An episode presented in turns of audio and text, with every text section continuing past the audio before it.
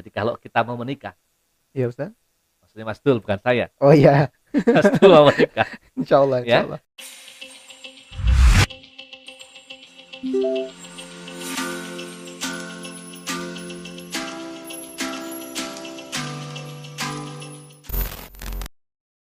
Assalamualaikum warahmatullahi wabarakatuh. Waalaikumsalam warahmatullahi wabarakatuh.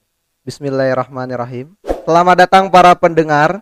Bertemu lagi bersama saya Zaidul Kirom bersama Ustadz Rizza Hamami, ustadznya para milenial, salah seorang dosen UIN Wali Songo Semarang dan pengasuh Pondok Pesantren YPMI Al Firdaus.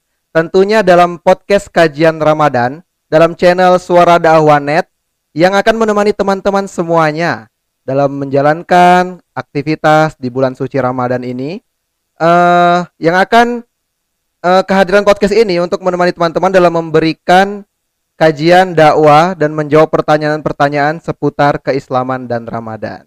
Nah, Ustadz, akhirnya kita bisa syuting lagi. Alhamdulillah. Alhamdulillah. Ustadz Rizza ini saat ini sangat kondang ya, banyak diundang di acara-acara, uh banyak sekali di stasiun TV, di acaranya wali kota, acaranya bupati ya, Pak Ustadz Rizza. iya. Alhamdulillah, berkah. Alhamdulillah. Berkahnya suara dakwah net Alhamdulillah, Ramadan produktif ya Ustadz. Ramadan Karim. Alhamdulillah. Nah Ustadz, hari ini kita bakal eh, ngobrolin tentang eh, memilih jodoh yang ideal. Ini salah satu requestnya pendengar kita. Alhamdulillah. Eh, kayaknya emang pembahasan yang jodoh-jodoh, nikah-nikah ini bakal rame terus Ustadz. Kemarin podcast yang nikah muda itu kayaknya di kolom komentar paling rame, Oh. paling antusias pendengar kita kalau Oke. dengar pembahasan kayak gini. Soalnya kayaknya eh, pendengar-pendengar kita ini terdiri dari kalangan-kalangan anak-anak pemuda-pemudi gitu ya. Ustadz. siap. Nah, Ustadz, eh, sebenarnya bagaimana sih kriteria jodoh yang ideal dalam Islam, Ustadz? Iya, kalau kita bicara jodoh itu memang menjadi sesuatu yang misterius. Karena hanya Allah Subhanahu wa taala yang tahu Yang tahu. siapa jodoh kita. Oke, Ustadz. Nah, hal itu memang selalu di apa? Selalu dicari. Kita boleh jodoh itu ada di tangan Tuhan. Iya. Tapi kalau kita tidak berikhtiar, jodoh itu akan lari. Atau bahkan orang yang tidak mencari, jodoh itu tiba-tiba datang datang sendiri. Datang sendiri. Nah, oleh sebab itu kalau orang bicara jodoh, itu kan banyak definisinya. Ustadz. Jodoh itu bisa artinya pasangan hidup. Jodoh itu bisa artinya teman hidup. Jodoh itu tambatan hati. Jodoh itu separuh jiwa kita. Oh, Jadi kalau kita belum berjodoh berarti jiwanya masih setengah. separuh atau masih setengah. Sehingga orang hidup yang sempurna kalau belum punya jodoh itu nampaknya tidak Tidak sempurna. tidak sempurna. Nah, apakah jodoh itu memang sudah dikodratkan oleh Allah? Allah itu punya satu motivasi kehidupan yang ditulis di dalam surat Ar-Rum ayat 21. A'udzu billahi minasyaitonir rajim wa min ayati an khalaqalakum min anfusikum azwaja litaskunu ilaiha wa ja'ala bainakum mawaddatan wa rahmah inna fi dzalika la ayatil liqaumin yatafakkarun.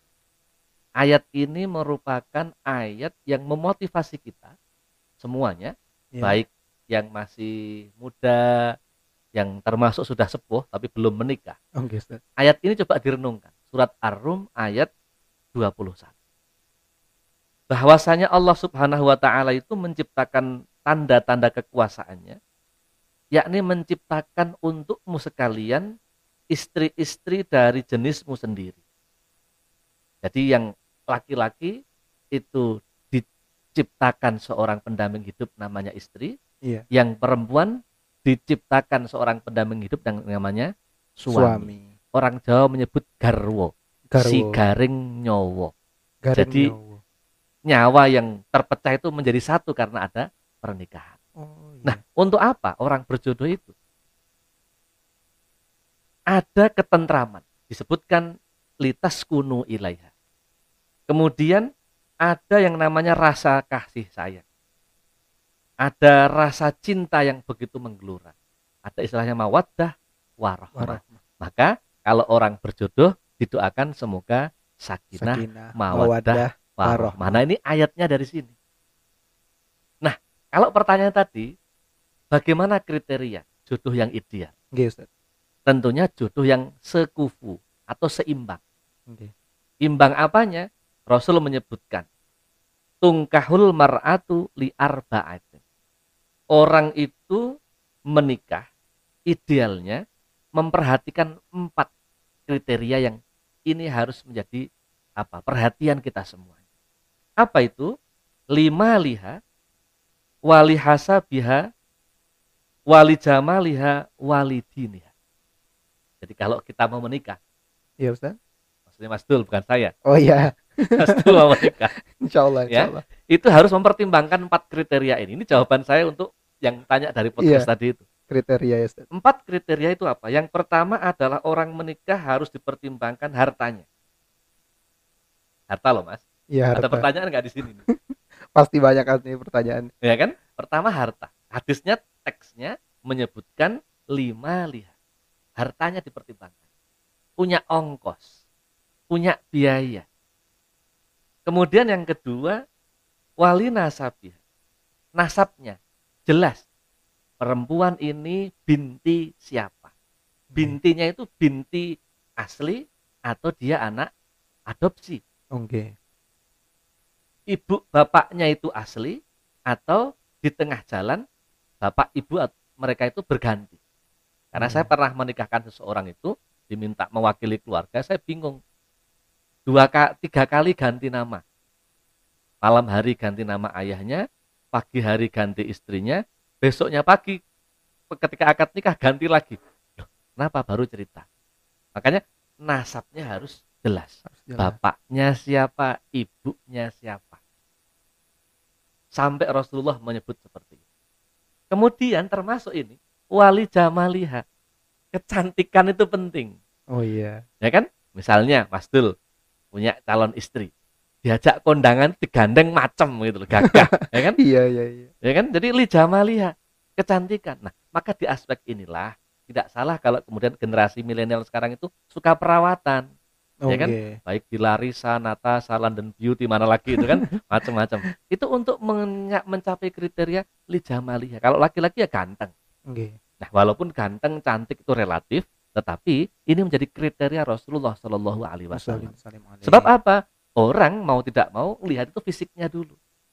Nah, maka teman-teman yang masih muda-muda ini mulai sekarang lah suka berdandan. Yang laki-laki ya sekali-kali facial gitu kan, Iya. potong yang rapi. Ustaz. kemudian eh, kalau malam mau tidur ya pakai sabun biar itu cerah selain kena air wudhu juga ada perawatan dari kita sendiri nah yang keempat ini menarik Rasul menyebutkan lidiniha agama itu juga penting jadi empat kriteria ini yang menjadikan bahwa kita itu didesain oleh Allah Subhanahu wa taala ada yang namanya wa min ayati an khalaqalakum min anfusikum azwaja saling berjodoh.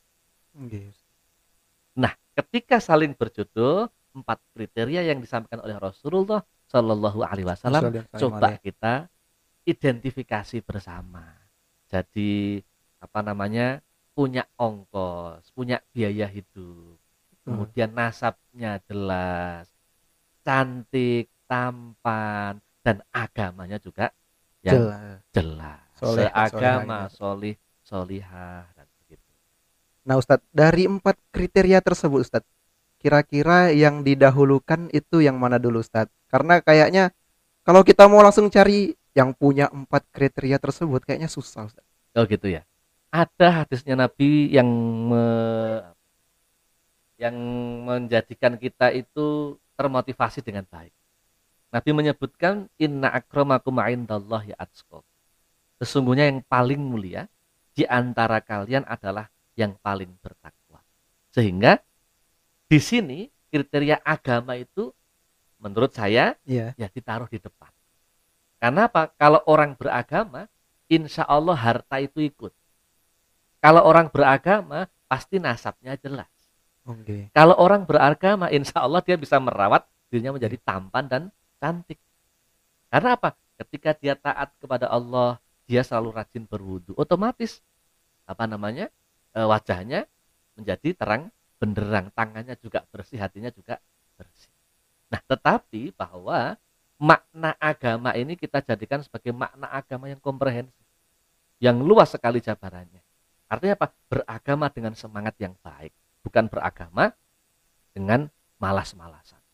Ketika ditanya sama calon mertua, Mas, e, kerjanya apa? Sholat kan nggak mungkin. Harus ada jawaban yang jelas. Iya, Tetapi paling tidak ketika dia rajin, dia punya semangat. Oh, saya akan punya tanggung jawab anaknya si Fulan yang akan jadi istri saya. Maka di sinilah posisi saya harus menjadi orang yang bertanggung jawab. Karena agamanya kuat sehingga dia hadir sebagai suami yang soleh. Suami yang soleh itu bagaimana? Seorang calon suami yang bisa hidup berdampingan, berusaha bersama, mencapai derajat ekonomi yang baik. Sehingga apa? Kalau dia agamanya kuat, dia menikah, cari jodoh, ya kan? Itu pasti mengikuti kriteria tiga yang lainnya itu. Ekonomi akan ikut bangkit bersama karena ada kebersamaan. Kemudian nasab juga akan tertata dengan rapi, kemudian kecantikan, ketampanan juga akan terpoles secara pelan-pelan dengan agama yang dimiliki. Nah Ustadz, eh, dari empat kriteria tadi, menurut saya yang paling menarik itu lima liha. Lima liha. Ya. Dari hartanya, Ustaz. Betul. Kita kan juga dianjurkan untuk melihat dari hartanya. Tapi kalau zaman sekarang ada istilah tren dari melihat harta itu, matre kata orang. Gitu ya. Nah, jadi penting nggak sih kita ngelihat apa hartanya dari calon dari sisi perempuan atau calon laki-laki itu? Wah, kita lihat hartanya gitu. Saya kira begini, hidup memang harus rasional. Hidup di dunia itu memang harta itu penting. Tetapi Rasul mengantarkan kita untuk mengimbangkan antara akhirat dan dunia. Maka kalau kita ingin apa jodoh yang solihah atau yang putri-putri mencari suami yang solih, ya kan? Ya. Kalau kemudian dia sudah menikah, mau lahiran nggak punya uang, periksa ke dokter pakai uang siapa, ya kan? Ya, yang baru lulus kuliah, ketika mau apa bertanya kepada calon mertua, nanti maharnya apa? Skripsi kan nggak mungkin juga. Oh iya. Nah, maka dari itu ini juga menjadi penting. Dalam konteks apa? Dalam konteks rasional untuk hidup yang sakinah, mawaddah, warahmah. Artinya apa? Bahwa ketika hidup sakinah, mawaddah, warahmah, salah satu ketenangan itu aspeknya dompetnya ada uangnya, ATM-nya ada isinya. Termasuk harta dalam zona hidup berjodohan itu adalah untuk ketenangan mau beribadah ada uang semakin nyaman. Mau tambah cantik ada uang semakin nyaman. Tetapi di situ agama tolong dipegang terlebih dahulu. Artinya empat-empatnya coba diklasifikasi bersama. Jadi materi itu dalam konteks apa? Melihat realitas kehidupan ya namanya mau buat acara pengantin gitu kan iya. menghadirkan teman-teman masak semua hutang kan repot juga. iya, nah iya, inilah iya uh, Rasulullah menjelaskan secara detail. Jadi empat aspek itu ada aspek ekonomi, aspek fisik, aspek uh, biologis, ada aspek uh, spiritual itu empat empatnya menjadi kekuatan yang betul-betul bisa kita jadikan apa patok untuk mencari jodoh yang ideal. Wah, terima kasih sekali Ustadz, sangat uh, mencerahkan saya ya. ya tentunya dan para pendengar di rumah tentunya Ustadz karena uh, semoga deng dari dengar penjelasan Ustadz tadi membuat kita semakin semangat bekerja. Ya. uh, semakin merawat diri kita, uh, apa taat dalam ibadah kita ya Ustadz. Karena kita mau cari kriteria jodoh yang baik, tentunya kita harus siapkan diri kita juga untuk memenuhi standar kriteria yang baik tersebut kan yeah. Ustadz. Dan yang paling penting tidak hanya kriterianya, apa itu, calonnya di Oh iya, calon Kalau ada kriteria nggak punya yeah. calon kan repot juga. Okay, nah, kriterianya ada, calonnya juga ada. Jangan sampai ditanya orang kapan menikah? Masih kurang apa syaratnya kirang. Kirang apa, apa kirang kaleh kaleh apa? Kaleh, kaleh sinten. sinten. Oh ya zaman ya, sekarang ya. jadi harus disiapkan orangnya juga. Yes, okay. yang penting ada yang mau dulu kalau kata ada anak zaman sekarang. ya ada yang mau dulu. Ya Ustadz mungkin uh, pesan-pesan untuk para pendengar di rumah ya uh, ini jelas pesan Nabi itu memberikan apa namanya memberikan uh, dorongan bagi para generasi muda yang pertama, carilah jodoh yang baik. Kemudian yang kedua, siapkan jodoh yang baik untuk hidup di dunia dan bekal besok di akhirat. Dan yang terakhir, ketika sudah berjodoh, jadikanlah jodoh yang sakinah, mawaddah warohmah. Sekali dalam hidup. Jangan tengok tengok kanan dan kiri. Itu Mas Dur. Alhamdulillah. Nah, para pendengar di rumah, eh, sekian mungkin penjelasan dari Ustadz Rizza pada podcast kajian Ramadan hari ini. Semoga apa yang disampaikan Ustadz Rizza bermanfaat untuk kita semua. Nah, bagi teman-teman yang sudah mensupport channel ini dengan cara subscribe, kami ucapkan banyak terima kasih. Dan bagi yang belum, bisa kalian support channel ini dengan cara subscribe dan tinggalkan pertanyaan seputar keislaman dan Ramadan di kolom komentar YouTube channel Suara Dakwanet atau bisa juga di akun dakwah official Instagram Ustadz Rizza di @ustadzrizzahamami. Nah, sekian podcast kita hari ini. Kita akan berjumpa di podcast-podcast selanjutnya. Jangan berhenti berbuat baik. Wassalamualaikum warahmatullahi wabarakatuh.